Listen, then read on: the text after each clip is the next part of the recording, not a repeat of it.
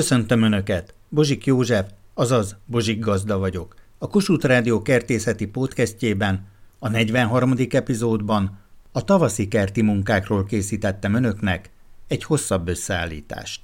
Azt szeretném kérdezni, permetezni, ha nem csinálta meg az ember novemberben, mert folyton esett, akkor hogy lehet esetleg Tanár úr, mikor végezzük el a lemosó permetezést? Nagyon nehéz pontos dátumot adni, mert ahogy itt hoztam is néhány példát, van olyan fajunk, bokor és fafajunk, ami már túl van a rügypattanáson. Zsigó György, a Magyar Növényorvosi Kamara budapesti alelnöke. Itt már el kellene végezni, mert a fejlettebb kis egérfüles állapotba kerülnek a növények, akkor már nem bírják el ezt a gyakran tízszeres töménységű permetlevet a nyárihoz képest. Ugyanakkor a rügypattanás elcsípése azért lenne nagyon fontos, mert a károsítók is ekkor ébrednek fel. Tehát mint a gombák, mint a kártevők ekkor bújnak ki a téli álmukból, fejezik be a áttelelésüket, hiszen már megjelenik az a táplálék, amiből ők fent tudják tartani az életüket, elkezdhetik az újabb szaporodást. Tehát most azt mondom, hogy nagyon korán bekövetkezett a tavasz, madarak fütyülnek mindenhol, nagyon félő, hogy még visszajön egy két-három hetes tél, akkor bizony a szép lassan feléledő csont héjasok, ezek bizony bajba lesznek majd. A lényeg az, hogy pluszoknál végezhetjük el a lemosást, és ha eljött a rügyek nagyon kicsi kinyílása, megdúzadása,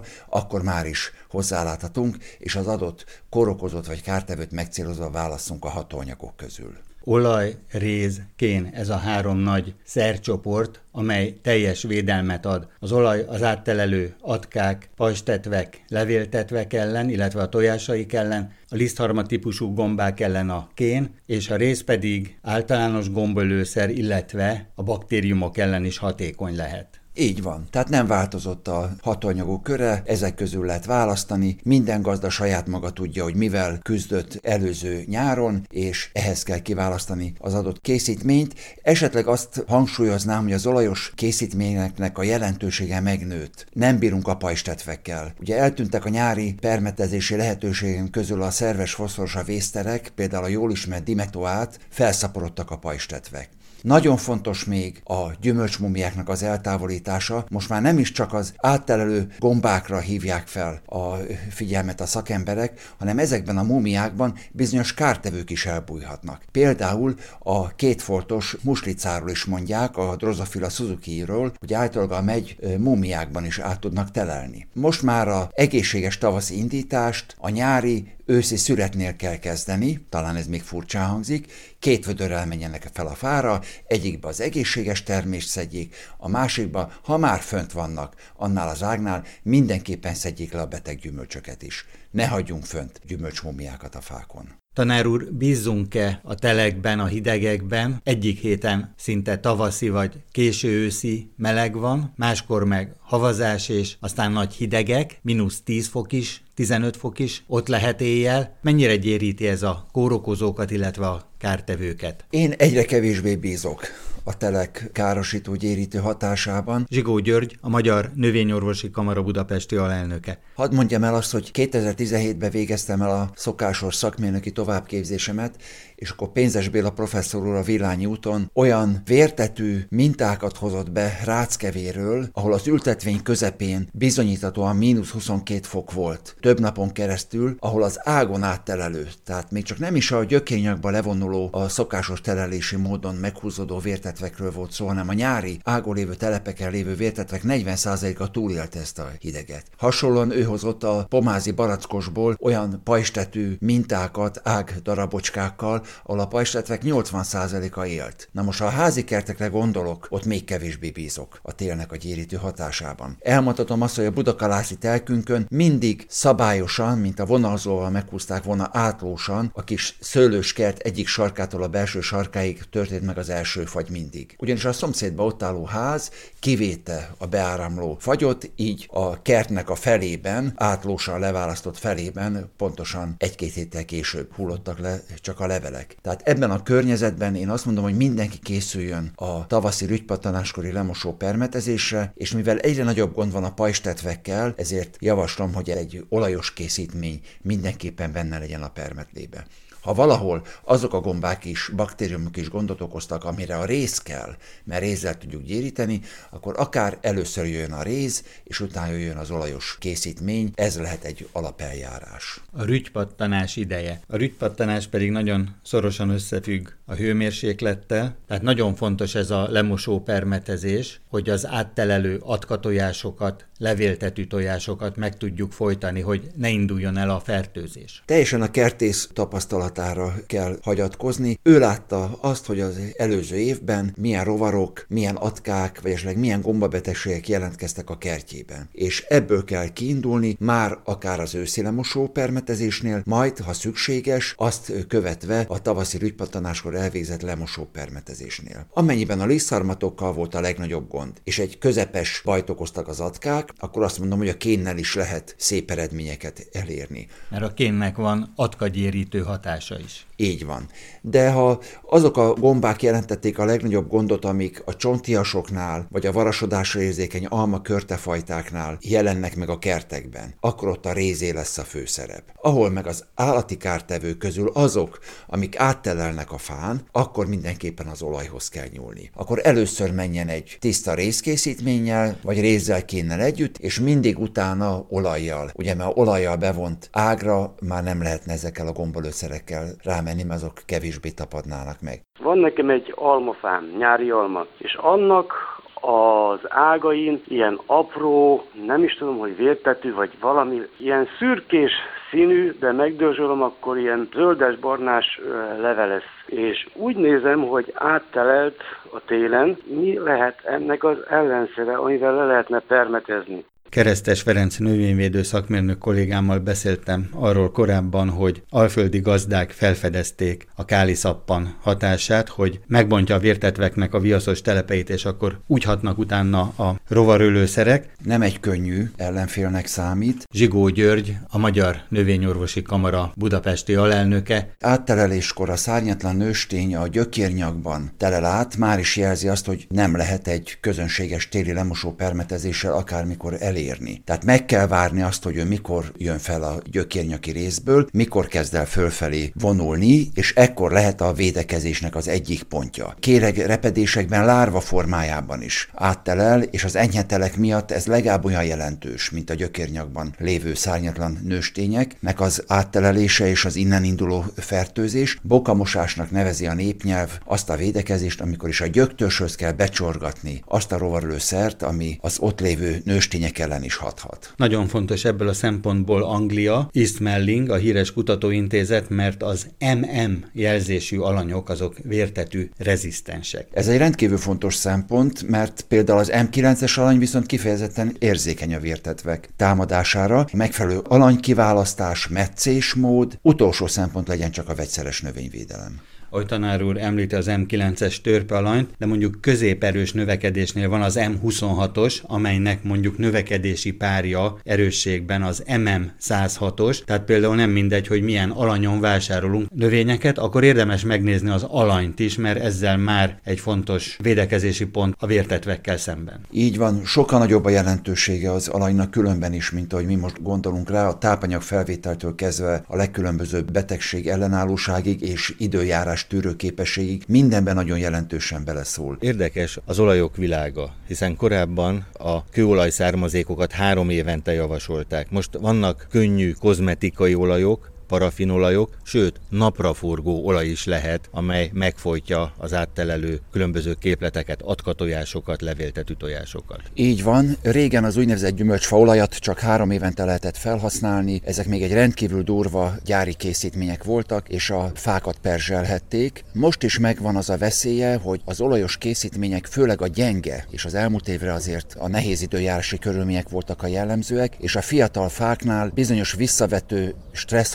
hatást gyakorolnak, de az új készítményekkel már akár minden évben lehet permetezni. A mogyoró virágzik, nem véletlenül szokták mondani, hogy tényleg a mogyorónál az őszi lemosó permetezést kell választani, mert ilyenkor meg kell várni, hogy elvirágozzon, csak utána lehet a lemosást végezni. A lemosó permetezésnek itt van az ideje. Ferenci Lászlóval Budaörs térségében egy gazdaboltban találkozhattam. Hányféle lemosó permetszer közül választhatunk? Hát hirtelen nem is tudnék erre pontos választ adni, ugyanis különböző betegségek ellen, illetve kártevők ellen különböző vegyszerek vannak, amikkel a lemosást el tudjuk végezni, de vannak kombinált szerek is, amelyben együtt van a kétféle gombaölőszer, és pluszban vazelinolajat is tartalmaz, amely a kártevőknek a ritkítására szolgál. Kén tartalmú lemosószerek, amik ugye a lisztharmat fertőzések ellen jelentenek védelmet, résztartalmúak külön, amik a belső élősködő gombák ellen nyújtanak bizonyos fokú védelmet, illetve a kártevők ellen az olajos permetezőszerek, amik régen is voltak, de már nem gyümölcsfaolaj néven, amit három évente lehetett használni, hanem olyan gyümölcsfaolajok, amik minden évben használhatóak. Ha egy irodalmi példával élhetek, akkor ez olyan, mint Otello és Desdemona kapcsolata, hogy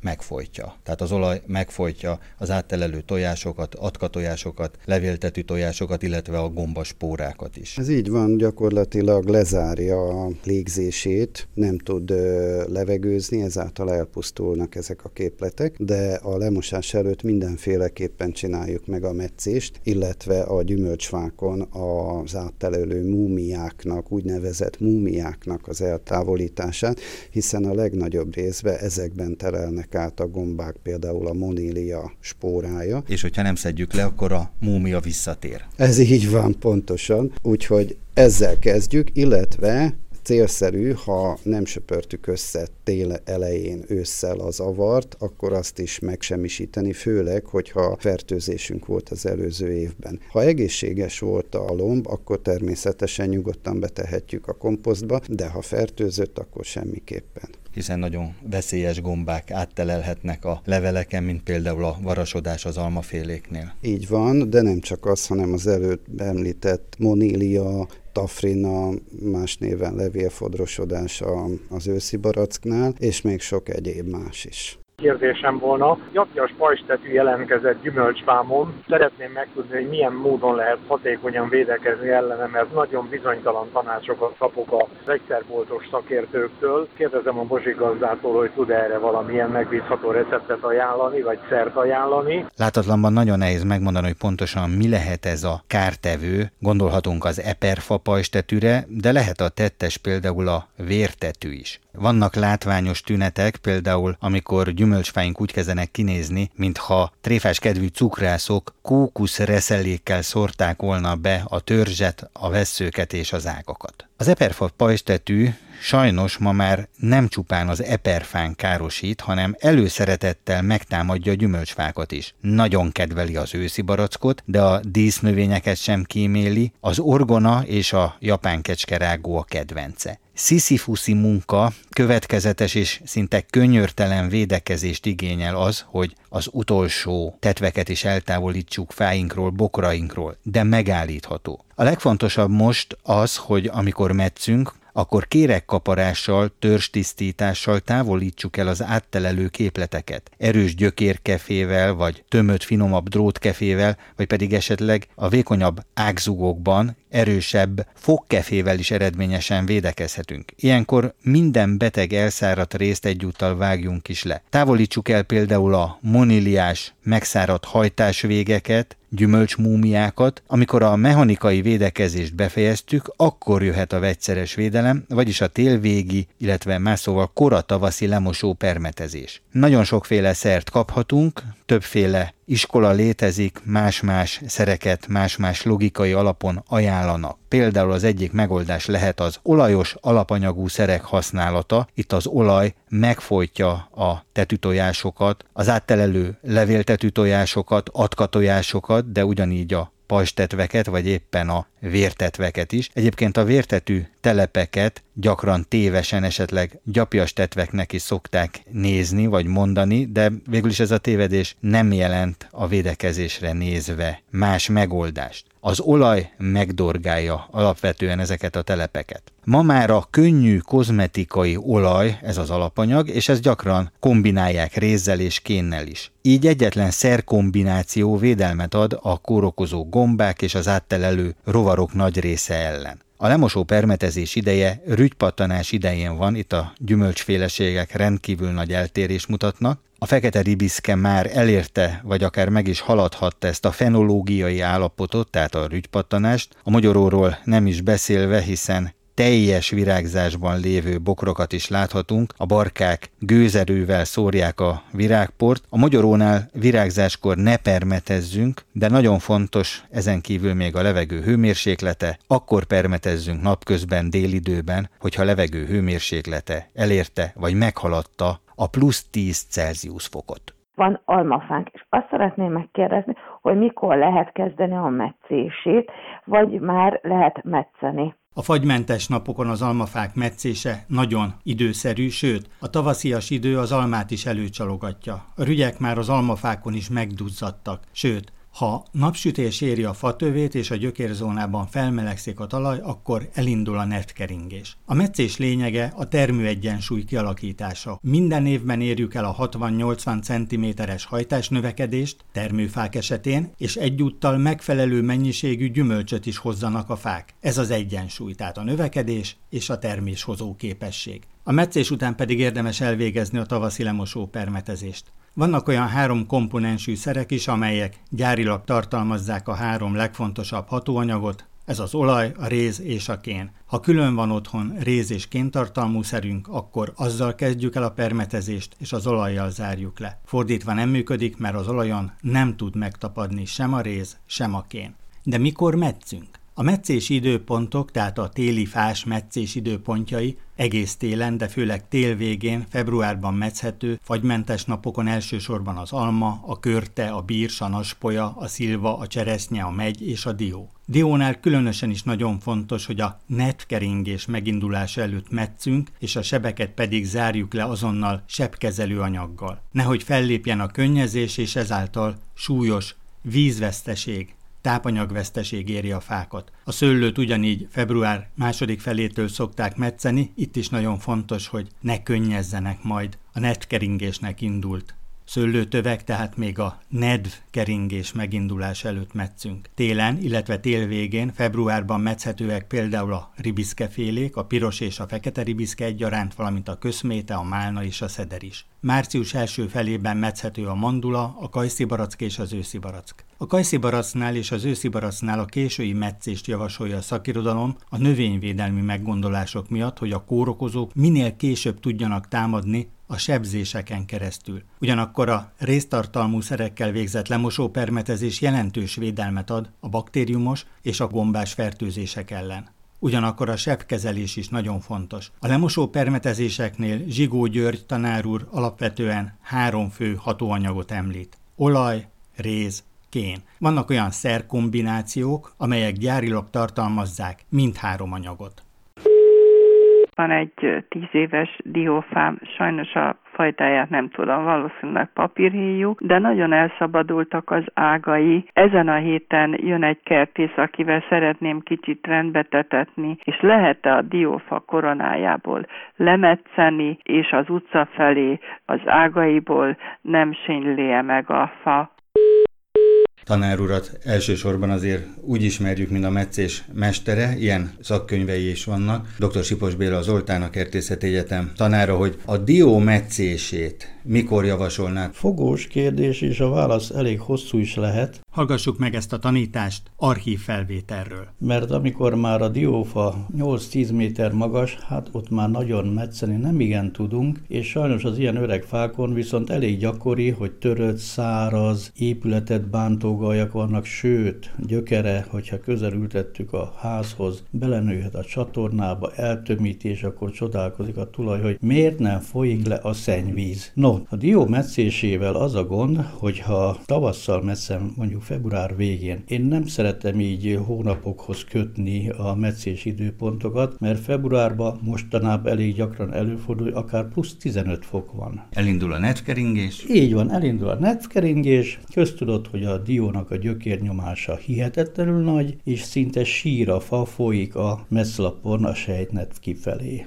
Na most ezek olyan tragikus nagykárt nem szoktak okozni, mert ettől még nem szárad ki a fa, de a sebkezelő anyagokat ledobja. Tehát hatástalan a védekezés. Ebben az időpontban, tehát már ősszel, ez azt jelenti, hogy szüret után, október után, de akár novemberben is, sőt, hogyha az időjárás olyan, hogy enyhe, akár decemberben is elvégezhetjük a karbatartó metszést. Sokkal fontosabbnak tartom a dió alakító metszését. Ugyanis a dió gyökérzete ritka, vastag, a földfeletti része pedig a gyökérzethez viszonyítva nagyon nagy, erős. Na most a hiba itt van, hogy jaj, de szép, gyönyörű ez a csemete, erültetik, hozzá se nyúlnak metszólóval, és akkor a következő évben csak ilyen... Nagyon kis növekedés lesz, és ezért ez, a, amit nem szoktak gyakorolni, hogy vissza kéne vágni az oltványt. Na erre mondjuk azt, mikor ilyen kevés vékony hajtás keletkezik, fönn a csúcsa környékén, akkor, hogy ülve maradt a fa. Na most a diónak az első meccése az, hogy elültettem ősszel a csemetét, tehát alakító meccésről van szó. Tavasszal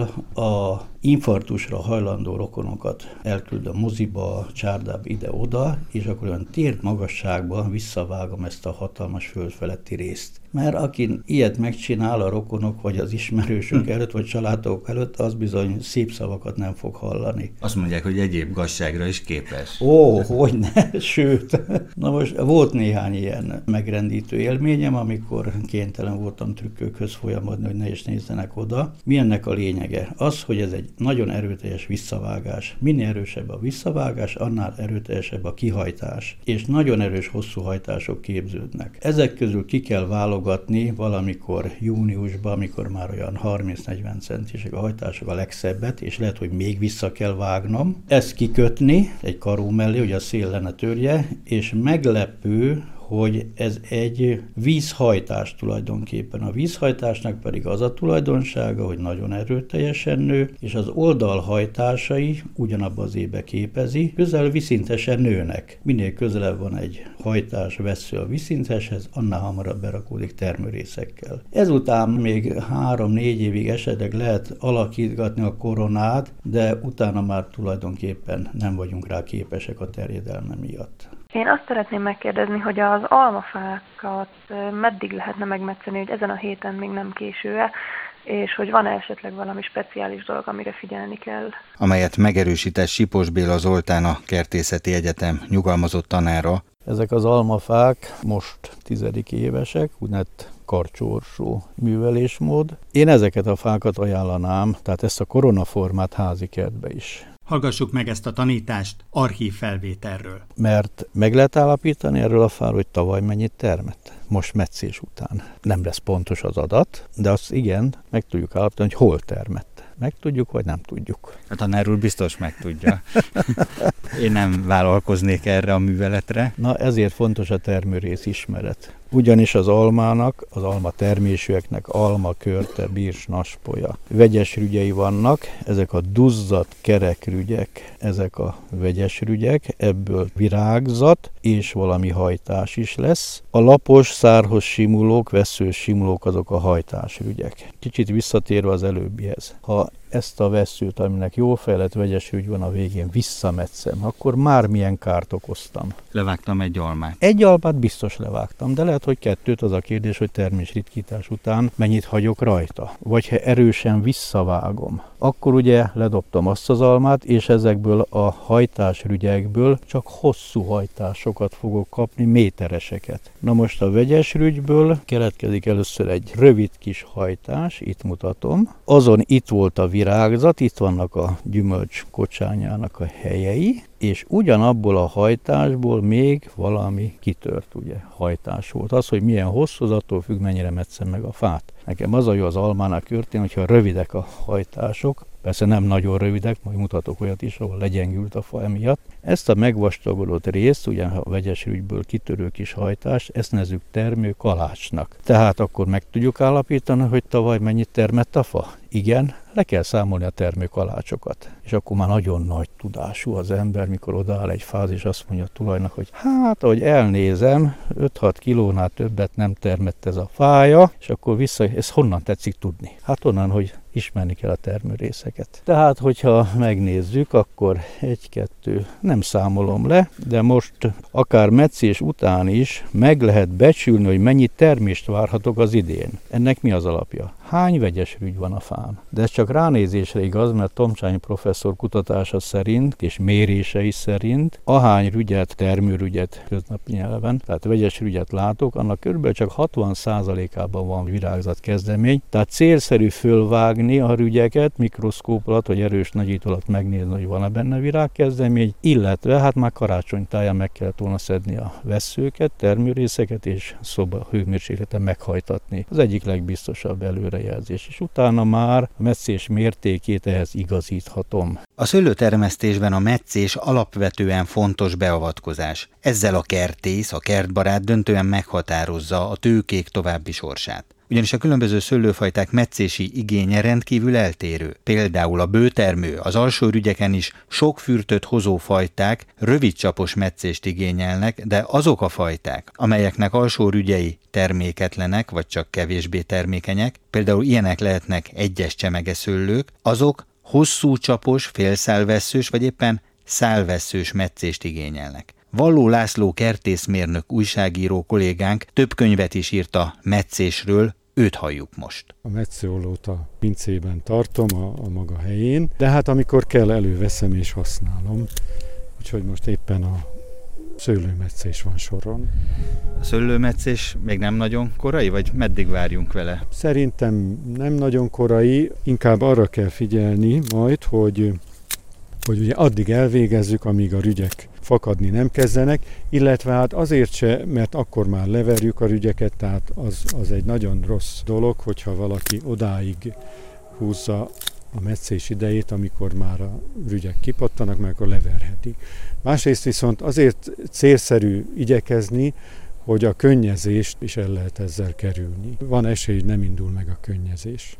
Azt mondják, hogy a szőlőmetszés az viszonylag könnyű, olyan, mint a kötés, egy sima, egy fordított, tehát egy rövid, egy hosszú. Csak tudni kell, hogy adott fajtánál milyen hosszú legyen. Könnyű annak, aki érti, aki tudja, és hát hadd szabadjon javasolni a kezdőknek, akiknek még nincs olyan gyakorlatuk, hogy ugye ijesztő lehet egy ilyen ágas-bogas szőlőtő, vesző kusza szövedékével, tehát azt mondom, azt javaslom, hogy legelőször is tisztítsák meg, tehát ritkítsák meg a szőlőt, magát a, a növényt, az egész tőkét, tehát a növedéket, és akkor amikor már lehet látni a termőalapokat, akkor kezdjenek az egyes termőalapok metszéséhez a palánta ültetvénybe léptem, Csizmadi emőke mutatja. Hát ilyen kis szaporító ládába ültettem saláta magokat, ez a május királya nevű saláta, ezt szeretjük a legjobban, és hát amint a fóliasátat föl tudjuk húzni, akkor nem sokkal utána már mennek ezek is ki a fóliába, ezek a salánták, hát már olyan 3-4 centisek, itt a másikban már a paprikák elkezdtek kibújni, Ebben is már van egy-kettő, amelyik kikelt. Ez is paprika. Ez is paprika, igen, és ebben van a paradicsom, ez még nem kelt ki. Milyen ez praktikusan, még... hogy letakart egy kis nylonfóliával, és akkor mert megtartja. kiszárad, és megmarad akkor a párássága. És nagyon klassz kis földlabdás lesz ez igen, így, tulajdonképpen. Igen, ez azért is nagyon praktikus, mert korábban úgy csináltam, hogy egy ilyen szaporító ládába, így sorba elvetettem a magokat. De amikor egyeltem, akkor mindig megsérült a gyökerük, és úgy leálltak először a fejlődésben, így viszont egy ilyet átteszek egy nagyobb pohárba, és a teljes gyökérzet a földdel együtt marad, és nem fog károsodni. Tanáraink mindig azt tanították, hogy jól meg kell fontolni, hogy hol vágunk a metszőolóval, fűrészsel, mert aztán visszaragasztani nem lehet. Így van, úgyhogy ne hagyjunk kabátakasztót. Mindig a... síkban vágjuk így, le. Igen, síkban, és a lehetőség szerint úgy, hogy ne repedjen. Én úgy szoktam csinálni, hogy először föntről vágom, és akkor itt alulról vágok egy kis részt, hogy ha levágom, akkor ne repedjen, mert általában az szokott lenni, hogy bereped. A héjával így, magával rántja. Igen, de így nem. Igen, milyen szép lett. Én nekem ilyen zöld festéken van, olajfesték, amivel sebeket így kezelni szoktam. Tehát egy nagyobb ágot vágott le, Csizmadia nem Gábor. Jól vágta le. Nem, nem jól vágta nem le? Jól vágta Miért? Le, mert ez az ág pont az ember fejét szétveri. Ezt onnan többől kell kivágni. Olyan baleset veszélyes, ha az ember megy a kertbe, nem fölfele néz, hanem a lába elé, aztán mindig a fejével fönnakad a fágakba. Ez örök probléma a családban. Ugye bukós is a Akkor bekoppanna. Na de mondjuk tényleg, ahogy kedves feleségem mondja, hogy ez egy alacsonyabb rész, hogy hova lehetne. Hát van itt több elágazódás. Ő azt mondja, hogy tőből ki kéne vágni az egész. De Gábor nem támogatja, ugye? Nem, én... Szita István tanár úr mindig mondta, hogy két kertész hogy lehet örökre összeveszíteni egymással. Ugyanahoz a fához kell odaállítani, hogy metszék meg, mert az biztos, hogy nem fognak megegyezni. Igen, hárman elkezdtek egy tőt metszeni, egy szőlőtöt, és mind a hárman mást akartak. Erre mondta a sógorom, vasutas, hogy akkor most már én is tudok szőlőt metszeni. Például egy sárga baraszkot, azt én legfeljebb ritkítom. Én a szőlőt azt váltómetszéssel csinálom mindig. Ez letermett már. Nem nőtt ki teljesen a következő, úgyhogy most én ezt kétene vagyok így levágni, és ez pedig egy ilyen két szemesre, kivágom a, ugye a tavalyi letermettet. Azt többől le kell vágni, Igen, letermel. igen, és akkor itt vannak ezek a itt ebből lesz jövőre a termő, Két rügyes csapokra igen, vágta. és akkor ez pedig egy kicsikét hosszabban, Így kell a termőalapokat kialakítani. Előhozott a kamrából egy nyesedék zúzót, igen, ezt a szőlő venyigét ezzel a géppel megdaráljuk, amiből kiváló komposzt lesz, így két lehetődünk egy csapásra, és akkor indulhat az úzás. Alá tett egy vödröt. Van egy olyan tanítás, hogy az év századik napján kell vetni a tökféléket. Csizmadia Gábor kezében egy készülék, amelyel az ágyást készíti elő. Igen, ez egy kis elektromos rotációs kapa, kb. 10 centire forgatja meg a földet. Na most a töknek külön fészket kell csinálni, úgyhogy így a kis géppel, amit megcsinálok, az arra tökéletesen megfelel. Itt például a fokagyma között borsót vetettem. Vannak ilyen együttültetések, Csizmadia emőke, tehát hogy őrző védőszolgált, hogy mit mivel kell, vagy mit mivel ne. Melyik növényhez mit párosítsunk, mert az a kártevőket elriasztja. Van is nekem egy ilyen kis füzetem, kis papírok benne, és abban föl vannak ezek írva. Énkor tavasszal mindig előveszem, és akkor úgy házasítjuk itt az ágyásban a növényeket, hogy a biológia védelem meglegyen. Tehát itt a fokhagyma lesz a védőnövény, ugye, és akkor borsó, sárgarépa, petrezselye. Így van, mert a fokhagymezeket, minden, a kártevőit minden riasztja. Igen, hát elsősorban a sárgarépa azt szeretik nagyon, ezért használtam a fahamut arra az ágyásra leginkább,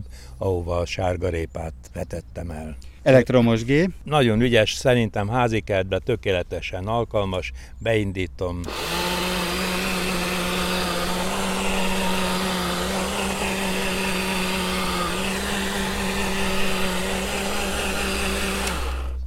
gyerekek, unokák, a kert ellát három családot. Retekkel indítunk, a fólia sátor alatt ez a hónapos retek, ez Már áll a váz, csak még nincs rajta. Igen, mert minden nap fújt a szél, már fel akartuk tenni, minden nap fújt a szél, és akkor nem lehet azt a nagy fóliát, mert kilebegteti a kezünkből, de már a maga földben van ez a jó kis napsütés azért megsegítette. Hát ha szélcsend lesz, akkor föltesszük, ahogy jön ki a retek, megy közé a saláta, aztán, hogy a saláta is kimegy, akkor beültetjük paprikával. Paradicsom nem lesz a fólia alatt. Fóliába csak két ilyen igen korai paradicsomot teszünk, mert tavaly, amit én csináltam palántákat, beleraktuk, de nem lett előbb, mint a szabadföldi, úgyhogy nem lehet becsapni a természetet. Itt van a szamóca, megújul, szépen terjed is.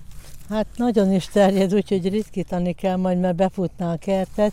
Két helyen van, itt van, meg itt ilyen hosszanti ágyásban. Tavaly akkorák voltak rajta, hát mindegy ilyen kisebb tyúktojás. Gyönyörűek. Kedves hallgatóink, van egy éjjel-nappal működő üzenetrögzítő, ezen várom az önök kertészeti kérdéseit, amelyek alapján készítem el az újabb összeállításokat. A telefonszám a következő 061 328 73 00. Várom önöket egy újabb epizóddal a Bozsik Gazda Podcastben.